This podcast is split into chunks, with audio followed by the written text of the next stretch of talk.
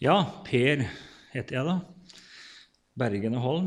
Og eh, født og oppvokst og bor fortsatt i Kvelde i Vestfold, mellom Larvik og Kongsberg. Ja, Kongsberg blir ganske langt opp, men litt nord for Larvik. Og eh, gift med Marit, og vi har seks barn. Minste er 13, og eldste er 25. Det er bare to som er igjen hjemme nå, men, eh, så det begynner å bli litt stusslig hjemme.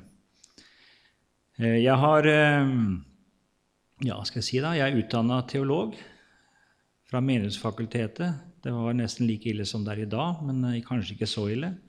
Så jeg tok eksamen der om jeg ikke, leste, om jeg ikke fulgte så mye undervisning. Så var jeg feltprest et par år. Og så var jeg to år på Kvitsund gymnas som lektor, og så har jeg vært 22 år på bibelskolen på Fossnes. Jeg var feltprest, så var jeg sammen med en som dere kanskje kjenner mer her på Karmøy. Jeg tror han har vært der en del ganger, Eivind Flå. Vi var, vi var sammen på feltprestkurs, og vi var litt sammen der. Og også en som het Eivind Gjerde, som har vært litt i, i Bresten. Vi var sammen. Så vi har vært gode venner siden den gang. Det får holde, tenker jeg. Så skal vi lese Guds ord sammen, men først skal vi skal vi be. Ja, himmelske Far, vi takker deg at du har gitt oss et ord som kan gjøre vis til frelse ved troen på Kristus Jesus. Takk at vi skal slippe å leite omkring i mørket, men at du har åpenbart deg for oss. Takk at ditt ord, det står fast i himmelen. Og så ber vi at du ville være hos oss med din gode Hellige Ånd og åpne ordet for oss og åpne våre hjerter for ditt ord. Du ser hva vi trenger for å tale ditt ord og for å høre det, og vi ber om at du må gi oss det. Amen. Nå er jeg vant med det borte hos oss, at vi har møter for Når vi først begynner, så har vi jo fra vi begynner også ut til søndagen. Så jeg hadde forberedt fem timer da, når vi begynte på onsdag. Så jeg har et problem utover i uka åssen jeg skal få det her ned til fire. Så jeg vet ikke enda hvordan jeg skal gjøre det, siden ikke dere har møte på lørdag. Kanskje holder jeg to timer på fredag bare for å ta igjen litt. Vi får se. Men uh, det er ikke så lett å korte ned, så vi får se. Nå skal vi stanse bare for de fem første versene i kapittel 1. Og vi leser i Jesu navn. Peter, Jesu Kristi apostel, til de utvalgte, de som er utlendinger og er spredt om omkring i Pontus, Galatia, Kappadokia, Asia og Betynia. Utvalgt etter Gud Faders forutviten, i Åndens helliggjørelse, til lydighet og til å bli renset med Jesu Kristi blod. Nåde og fred være med dere i rikt mål. Lovet være Gud, vår Herre Jesu Kristi Far, som etter sin store miskunn har gjenfødt oss til et levende håp ved Jesu Kristi oppstandelse fra de døde, til en arv som er uforgjengelig og uflekket og uvisnelig, og som er gjemt for dere i himlene. Dere som ved Guds makt blir holdt oppe ved tro, til den frelse som er ferdig til å bli åpenbart i den siste tid. Peter Jesu Kristi apostel. Hvis vi legger merke til det i de nytestamentlige brev, så er det ikke bare Peter som begynner slik, men også Paulus understreker det at han er en apostel. Og hvorfor det? Jo, for de taler ikke med autoritet i sin egen person, men de taler med autoritet, den autoritet han har, som har sendt dem. De taler med Jesu egen autoritet. Og det er det som gir Det nye testamentet autoritet. Det er at det er Jesu apostlers ord. Og Jesus sier det 'Den som hører dere, hører meg'. Og Det er også slik at vil vi ikke høre Jesu apostler, da hører vi heller ikke Jesus. Og det er grunnlag for å understreke det i dag. For Bibelen er i ferd med å rives i stykker på læresteder og jeg tror det sprer seg utover snart overalt, også på bedehusene. Guds ord, det står fast i himmelen. Det er syv ganger renset i Bibelen. Og Vi hørte om Skriften her, som er innåndet. Det kan også oversettes utåndet. Det er ordet ifra Guds munn. Og det er ikke som menneskers ord, men det er slik Gud er. Og han er trofast, han er sann, han er til å stole på. Og han har talt. Og Når det gjelder Gammeltestamentet, så er det så tindrende klart at det forholder Jesus seg til, og hans apostler til, som et ord som ikke kan brytes, som ikke kan gå til grunne. Det står fast inntil den minste tøddel. Og Det gjelder Det nye testamentet, så har Jesus selv altså satt sitt stempel på det. Den som hører dere. Og Det sier han til de tolv. Og så blir Paulus lukket inn i denne kretsen av disse, kalt direkte av Jesus. Ikke av mennesker, sier han, eller ved noe menneske, men ved Jesus Kristus. Og så taler de med Jesu autoritet. Og så kan vi ikke ha ett forhold til Jesus og et annet forhold til Hans ord. Det er det samme. Tror jeg Jesus, så må jeg også tro Hans ord. Vi kunne sagt mye om det. Vi får la det være der. Til de utvalgte. Til de utvalgte. Hvem er det? Jeg skal si litt om det, bare aller først understreke det som vi hørte litt åpning òg, om dette at eh, vi er født ved sannhetsord, gjenfødt ved Guds ord, som lever og blir. Det er de, de utvalgte er de som gjennom Guds ords forkynnelse har kommet til tro. Guds utvelgende nåde. Den er ikke virksom direkte ovenfra, men den virkeliggjøres gjennom Guds ord. Der kaller han, der drar han på et menneske, der overbeviser han et menneske, der bevarer han et menneske. Slik vi hørte det i vers 5 her. Dere som ved Guds makt holdes oppe ved tro. Det er gjennom sitt ord Gud virkeliggjør sin utvelgelse. Så vil du være blant de utvalgte, så må du ikke unndra deg Guds ord. For det er gjennom det han er virksom til frelse du må høre det, lese det, synge om det og samtale om det. Utvalgt etter Gud Faders forutviten. Jeg må si litt. Det må tåle litt læremessig her. Eh, det er slik at eh, det har blitt forstått forskjellig. Og det er noen som har lært det om utvelgelsen, at Gud han visste på forhånd hvem som kom til å bli frelst, og hvem som ikke kom til å ta imot ordet. Og så valgte han dem etter hvordan de kom til å gå med hans ord. Men det er ikke det som menes. Det er viktig. Da ville på en måte utvelgelsen være slik at den avheng av, avhang av deg og meg. Men det sier Guds ord veldig klart at slik er det ikke.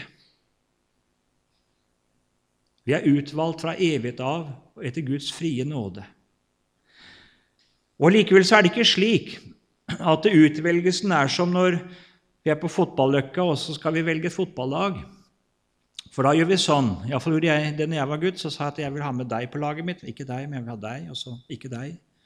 Altså da er utvelgelsen ekskluderende. Jeg velger noen, og så velger jeg bort de jeg ikke velger. Men slik er ikke Guds utvelgelse. Den er ikke eksklusiv. Den er inklusiv. Den inkluderer. Og det betyr at Når Gud velger, så betyr ikke det at han velger noen bort. Men det betyr at det er Gud som handler når et menneske blir frelst, og handler alene. Derfor er det ikke slik at han velger noen, og så velger han andre bort, eller han forkaster andre. Det er ikke slik, For Gud vil, sier Bibelen, at alle skal bli frelst. Bare slå opp i din bibel og se hvor ofte det står 'alle'. Kom til meg, alle. Alle som strever, har tungt å bære. Alle. Men det som er viktig med utvelgelsen, det som vil sies i Guds ord gjennom det, det er at det, det, er Gud som ikke bare vil at du skal bli frelst. Han har deg et råd om din frelse, og han kaller deg, og han drar på deg for at du skal komme til tro, for at du skal bli bevart og nå målet. Vi tenker så lett at 'jeg har bestemt meg for å bli en kristen'. Jesus sier til sine disipler, 'Dere har ikke utvalgt meg, men jeg har utvalgt dere'. Ut fra deres forståelse kanskje så var det slik at de hadde fått trang til å følge han. Sånn opplevde de det. Mens Jesus, det var ikke slik. Det var ikke dere som begynte. Det var jeg. Det var jeg som kalte dere, og som utvalgte dere. Det at du har kommet til tro på Jesus, det at du har kommet inn i den troende flokk, det har ikke sin grunn i din beslutning, altså. Det har ikke det. Men det har sin grunn helt tilbake i Guds evige råd. Der har det sin grunn. For utvelgelsen, den er fra evighet. Gud har fatta et råd om din frelse. Også i tiden så har han latt Guds ord komme i din livsvei Kanskje i ditt hjem, som vi hørte her om Timotus. Han hadde møtt det fra barnsben av. Og så hadde dette ordet det hadde virket en overbevisning, en tillit, en tro på Jesus, en visdom. Og så sier Jesus det. Det er jeg som har gjort det. Det er min gjerning at du har kommet til tro. Og så må vi synge det slik nåde at han fant meg. Nåde at han vant meg, nåde at han bar meg til sin fold. Og slik er det hele veien fram. Hvis jeg blir bevart og står hjemme hos Gud en dag, så kan jeg ikke si ja, du skjønner det, Gud, at jeg ville nå det, og jeg bestemte meg for det, og så satte jeg det igjennom. Nei. Jeg har akkurat begynt bibelskolen nå, og jeg sier det hvert eneste år til elevene. Så sier jeg at dere har sikkert bestemt dere fordi at dere ville være kristne, og dere vil til himmelen. Og det er jo bra, sier jeg, men ingen av dere kan sette det igjennom. Ikke én av dere kan sette det igjennom. Men nå skal du få høre et ord, og så vil du at dere skal få noen gode vaner og omgås Guds ord. For det ordet som du møter her, det ordet er et frelsende ord. Det ordet vender ditt hjerte til Jesus.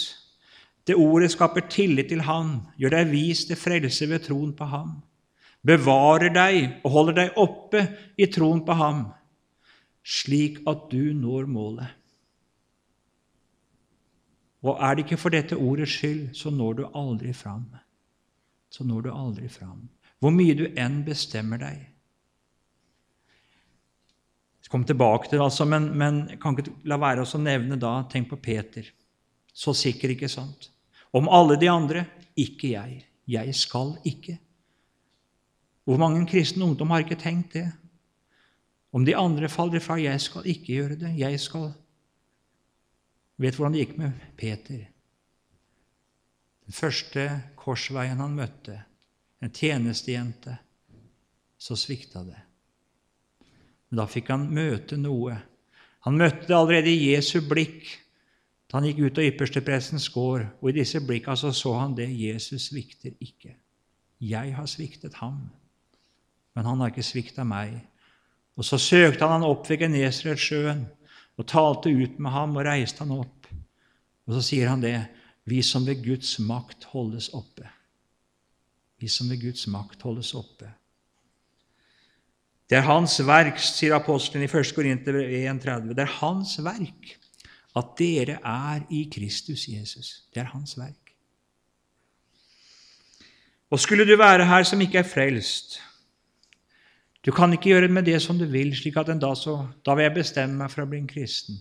Nei, det kan du ikke bestemme deg for. Det er når Gud kaller deg og drar på deg, at du kan bli frelst. Derfor sier Bibelen at eh, Kall på Herren den stund Han er nær. For Han er ikke alltid det. Kall på Han da, når Han, deg, når han drar på deg, Undra deg ikke da. Undra deg ikke da. I dag, sier Skriften, om du hører Hans røst. I dag. For du vet ingenting om i morgen. Utvalgt etter Gud Faders forutviten i Åndens helliggjørelse. Det står egentlig Åndens helligelse. Og Det sier også det at utvelgelsen den er ikke noe statisk. Det er ikke slik at den er liksom skjedd en gang for alle. Men det er noe som virkeliggjøres i Åndens helligelse. Gud kaller og drar på deg ved sitt ord og holder deg oppe og bevarer deg. Og alt det han da gjør, det er å løse deg også ut ifra denne verden og binde deg fast til seg. Og hellige betyr ikke sant, å utskille og innvie. Han utskiller et folk for sitt navn, binder det fast til seg, setter sitt merke og sitt stempel på sine. I Åndens helliggjørelse Bibelen taler om Åndens pant, Åndens innseil. Et merke han setter. Disse er mine.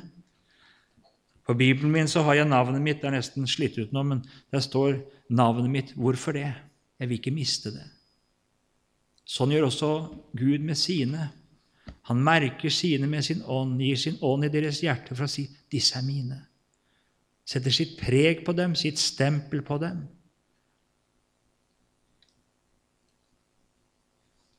Det står i 2. Peter kapittel 1. Vi skal ikke gå innom det, men vi bare nevne det.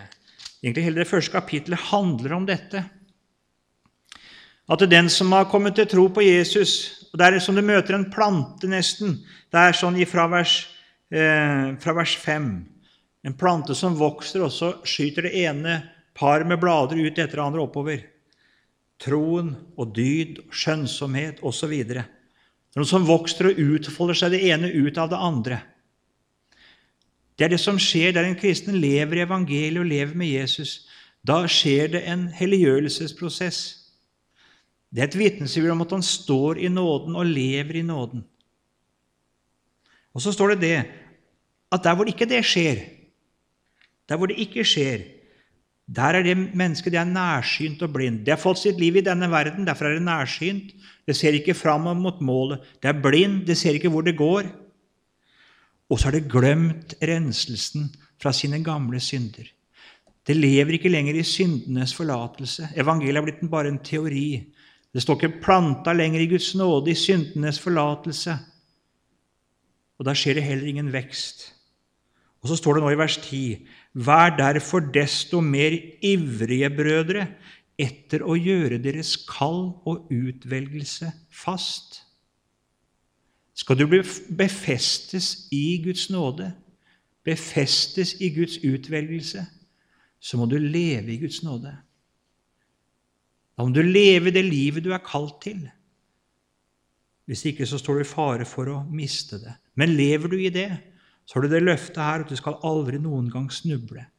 Men du skal få rikelig inngang i Guds rike. Du skal få noen med deg. Du skal bli til velsignelse. Du skal slippe å komme tomhendt framfor Gud på den store dagen. Vi skjønner det at Gud arbeider på din og min frelse. Det er ikke en engangshandling, det er noe han gjør hele livet igjennom, slik at vi skal nå målet. Derfor står det 'utvalgt i Åndens helliggjørelse'. Og det står videre 'til å bli renset med Jesu Kristi blod'. Nå taler Skriften om to slags renselse i Jesu blod. Da du kom til tro på Jesus, så fikk du tro det at alt ditt, alt det du er, alt det du har gjort, Hele dette forferdelige, onde her, alt det, det var med Jesus på korset. Han tok alt ditt på seg. Han sto framfor Gud i ditt, med alt ditt, og bar det på, sitt, på sin egen kropp og på Golgata kors. Det fikk sin død. Du fikk din død og din dom i Jesus. Det gikk i grav med han og du fikk en hel og full syndenes forlatelse. Du skal få lov til å regne det slik at alt mitt, det er tatt bort. Det er gjort opp. Han tok det bort idet han nagla det til korset. Hele skyldbrevet og alt mitt. Han tok det bort. Og så skal jeg få lov til å tro det, at jeg står for Gud som om jeg aldri hadde syndet. Så ren, så renset. Ren og rettferdig og himmelen verdig for Guds åsyn. Badet, kaller Jesus det. Aldeles badet. Helt ren. Men samtidig som jeg får tro dette, at jeg er så ren Jeg er så glad i uttrykket i Rombrevet 5. Der står det det. Bare ta det først.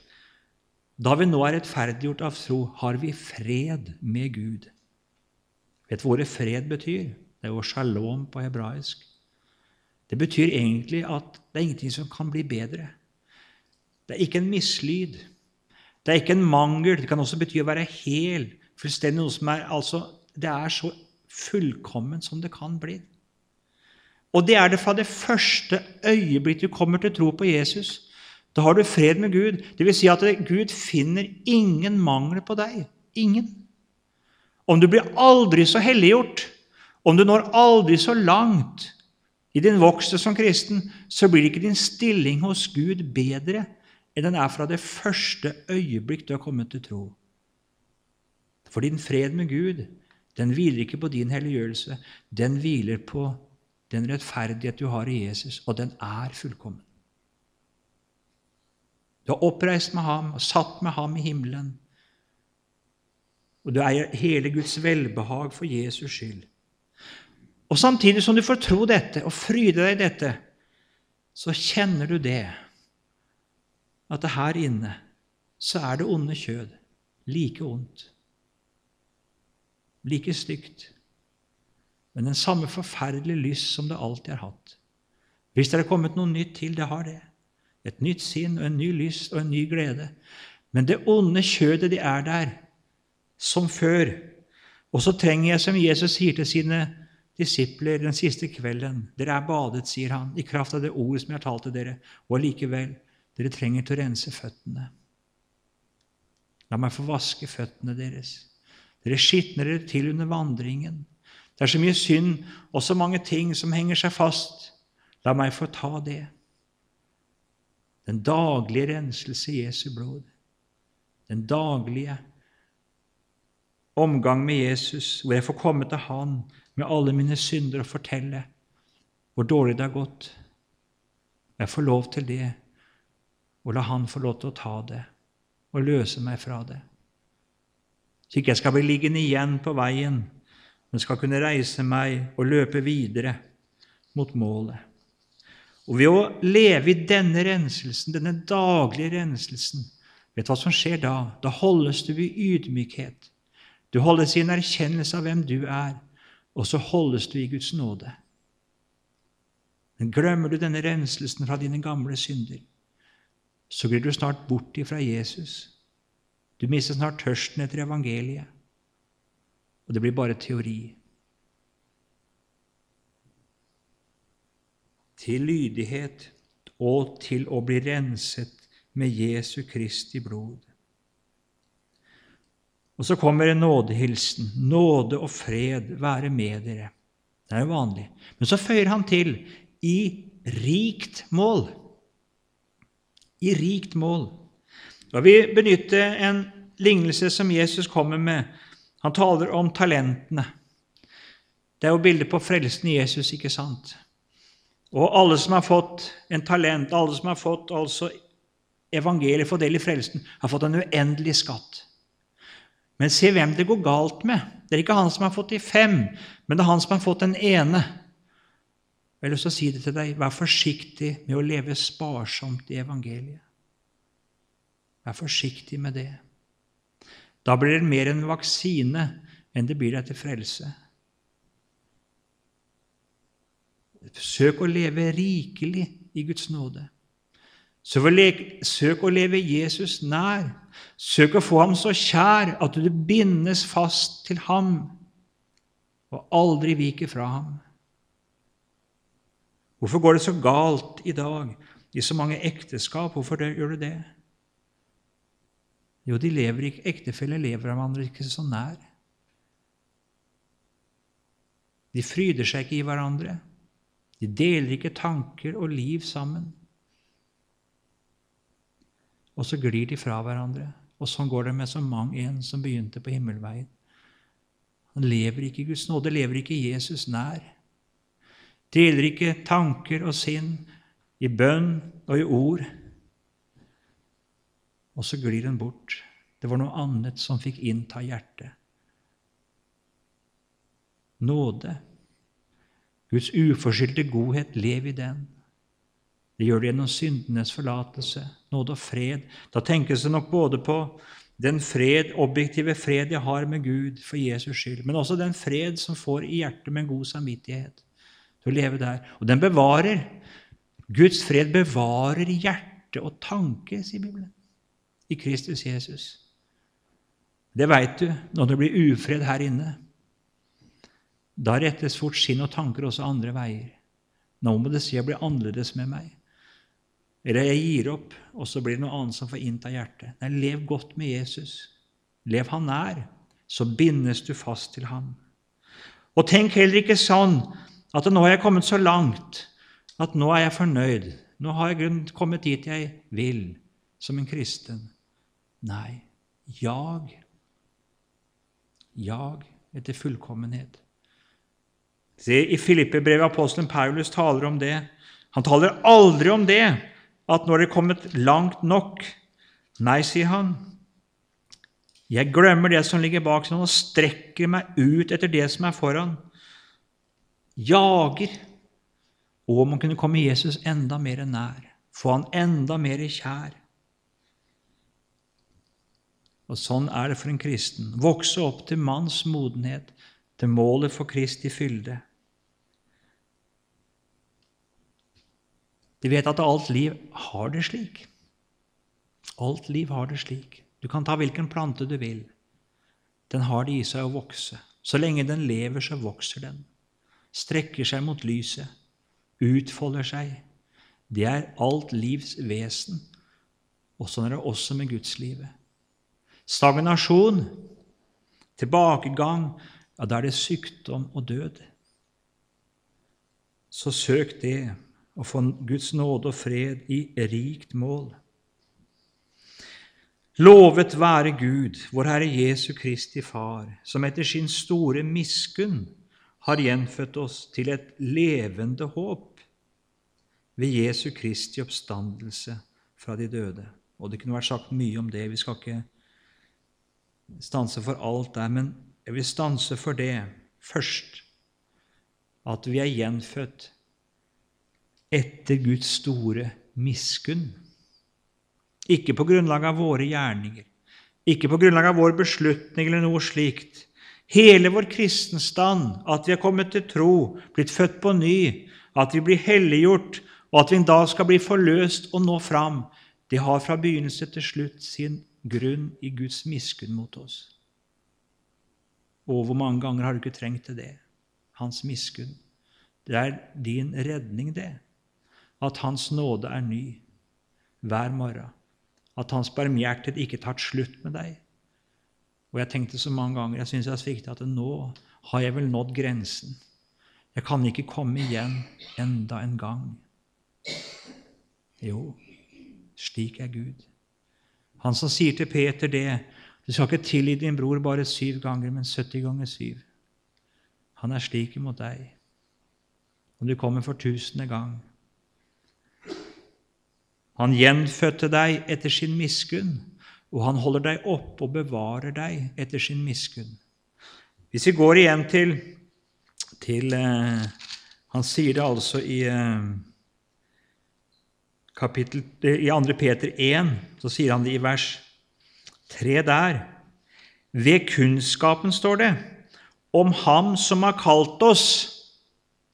Tenk om det hadde stått nå kalt oss i samsvar med vår herlighet og kraft. Nei, det står ikke det. Man har kalt oss ved sin egen herlighet og kraft. Guds kall og frelsende gjerne med deg, den er altså knytta til hans egen herlighet og hans egen kraft, ikke til din. Og jeg tenker så lett det det står til meg.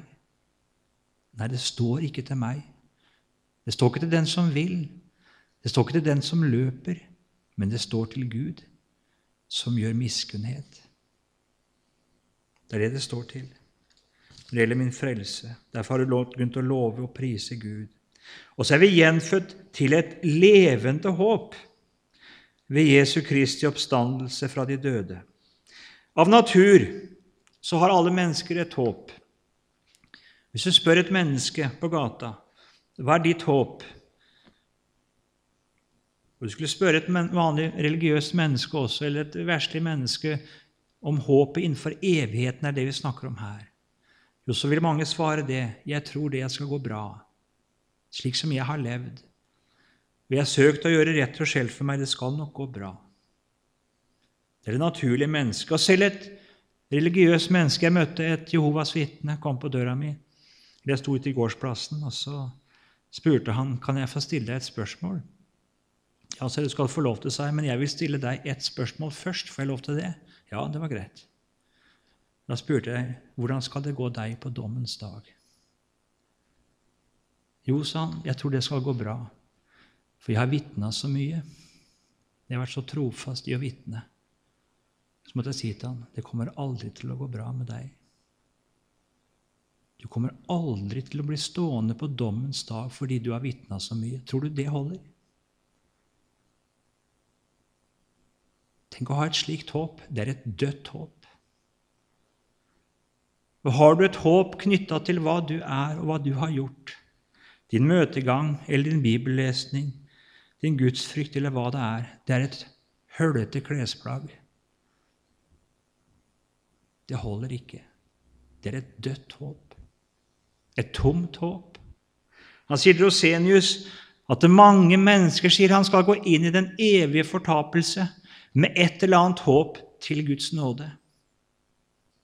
Det er en norsk forfatter som heter eh, Bjørneboe. Han skrev et dikt som heter Mia maxima culpa.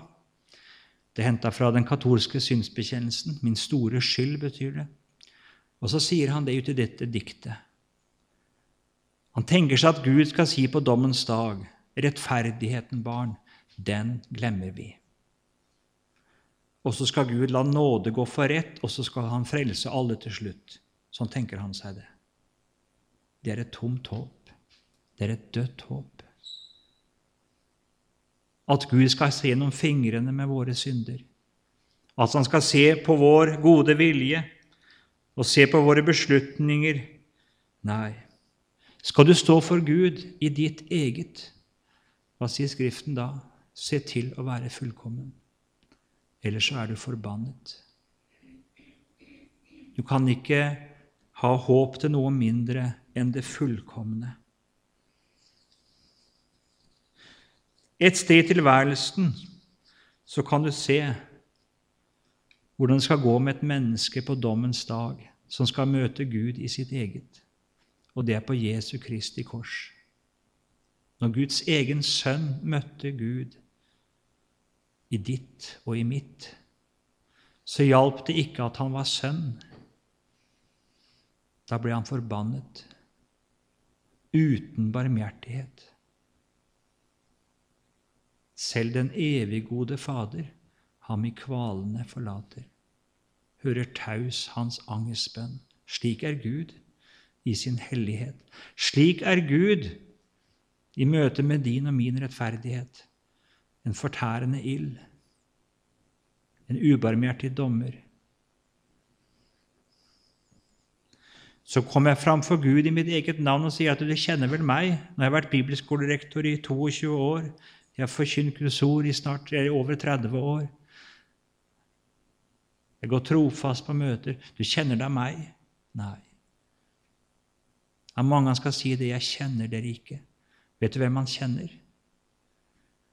Han kjenner de som har tatt sin tilflukt til ham. Og da er det snakk om hans egen sønn. De kjenner ham.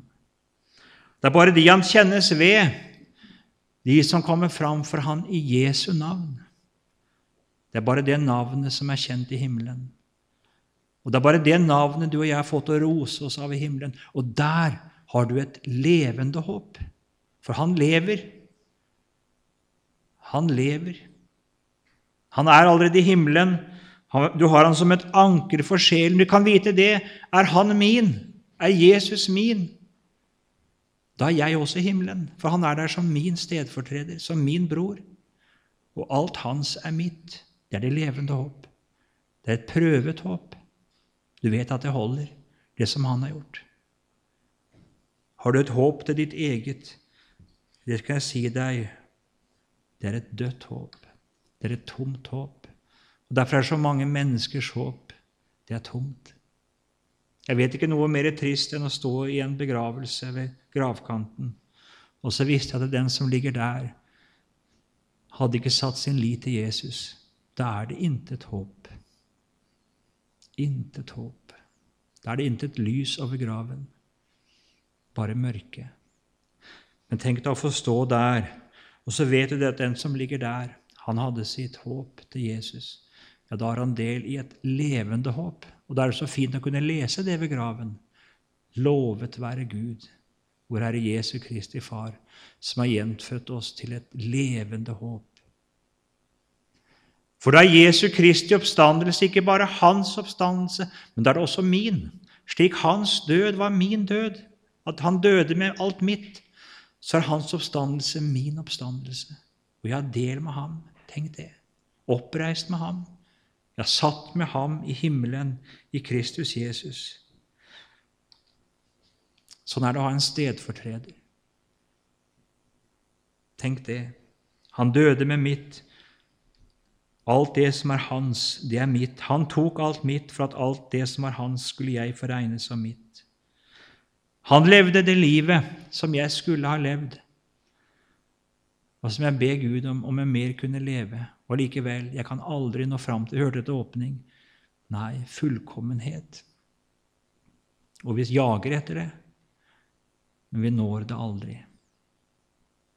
For vi har et kjød som vi aldri får med oss på den veien. Men så har jeg en som er prøvet i alt i likhet med meg, men uten synd. Ja, for det måtte jeg ha. Jeg måtte ha en sånn ypperste prest. En som kunne møte Gud i mitt sted og stå fram og si det, at jeg har levd for Han. Jeg har tatt Hans sak på meg. Jeg er død for Han, og jeg lever for Han. Tenk at jeg skal få lov til å sette min lit til Han. Du som har tatt imot Jesus, du har av Gud selv fått en rett, sier Bibelen en rett til å være Guds barn. En rett som ikke du har vunnet, men som Guds egen sønn har vunnet deg. Og I samsvar med denne retten har Gud gjort deg til sitt barn, født deg til sitt barn og gjort deg til arving sammen med sin sønn. Og så har du fått del med Jesus i alt det som er hans, til en arv, står det her, som er uforgjengelig og uflekket og uvisnelig og som er gjemt for dere i himlene. Du har fått del med Jesus i alt han har rett til, og alt det som er hans. En arv i himmelen. Og en arv den vet du, den har du ikke arbeidet for å få. Den er gitt deg for intet. Og den er uforgjengelig, for den hviler ikke på deg og det du har gjort, men den hviler på Han. Den forgår ikke, den kan ikke du skitne til under din vandring. Den kan du ikke ødelegge. Nei, den er gjemt for deg i himmelen. Den hviler på det som Jesus har gjort. Den vokser ikke, hvor langt du enn skulle komme i helliggjørelse. Men den avtar heller ikke ved dine synder og dine fall. For den har, sitt, den har sin grunn i Jesus. Dere som ved Guds makt blir holdt oppe ved tro, til den frelse som er ferdig til å bli åpenbart i den siste tid. Jeg har vært inne på det før, jeg skal bare avslutte med det. Denne makt det står om her, det er ikke en makt som kommer til deg gjennom løse lufta. Det er en makt som er virksom der hvor ordet er. Der hvor ordet blir forkynt. Du kan tenke på det store med Peter når han hadde falt i ypperste prestens gård, så var det det store med Peter han ville være der hvor Jesus var. Det var derfor han var i ypperste prestens gård. Og der fikk han et blikk av Jesus. Så var han sammen med de andre disiplene, og så kommer Jesus inn gjennom stengte dører, og så får han møte han. Thomas er ikke der. Og så ser vi da kommer vantroen, da kommer alle spørsmålene. Men neste gang så er han der. Og så fikk også Jesus ta seg av Thomas. Og Det er så viktig å være der hvor Jesus er. For der, og der han satt og stevne, for der hvor to og tre er samla i hans navn, der vil han være. Og det er der han er virksom. Når det står i Rombrevet at evangeliet er en Guds kraft Det står egentlig et kraftfelt. Dynamis står det. Det er som å komme inn i et kraftfelt. Der er det noe som er virksomt. Du kan være hvor du være vil, du kan sitte deg ned og tenke, og du kan gjøre alle mulige beslutninger og alle mulige ting. Men det er bare én ting som kan vende ditt hjerte mot Jesus, holde troen oppe og binde deg fast til Jesus og det evangeliet. Da må du være der hvor det forkynnes. Og Da må du åpne din bibel og la Jesus få lov til å tale med deg. At du kan få se inn i hans blikk, ikke minst når du har svikta, og se det. Han svikter ikke. Dere som ved Guds makt blir holdt oppe.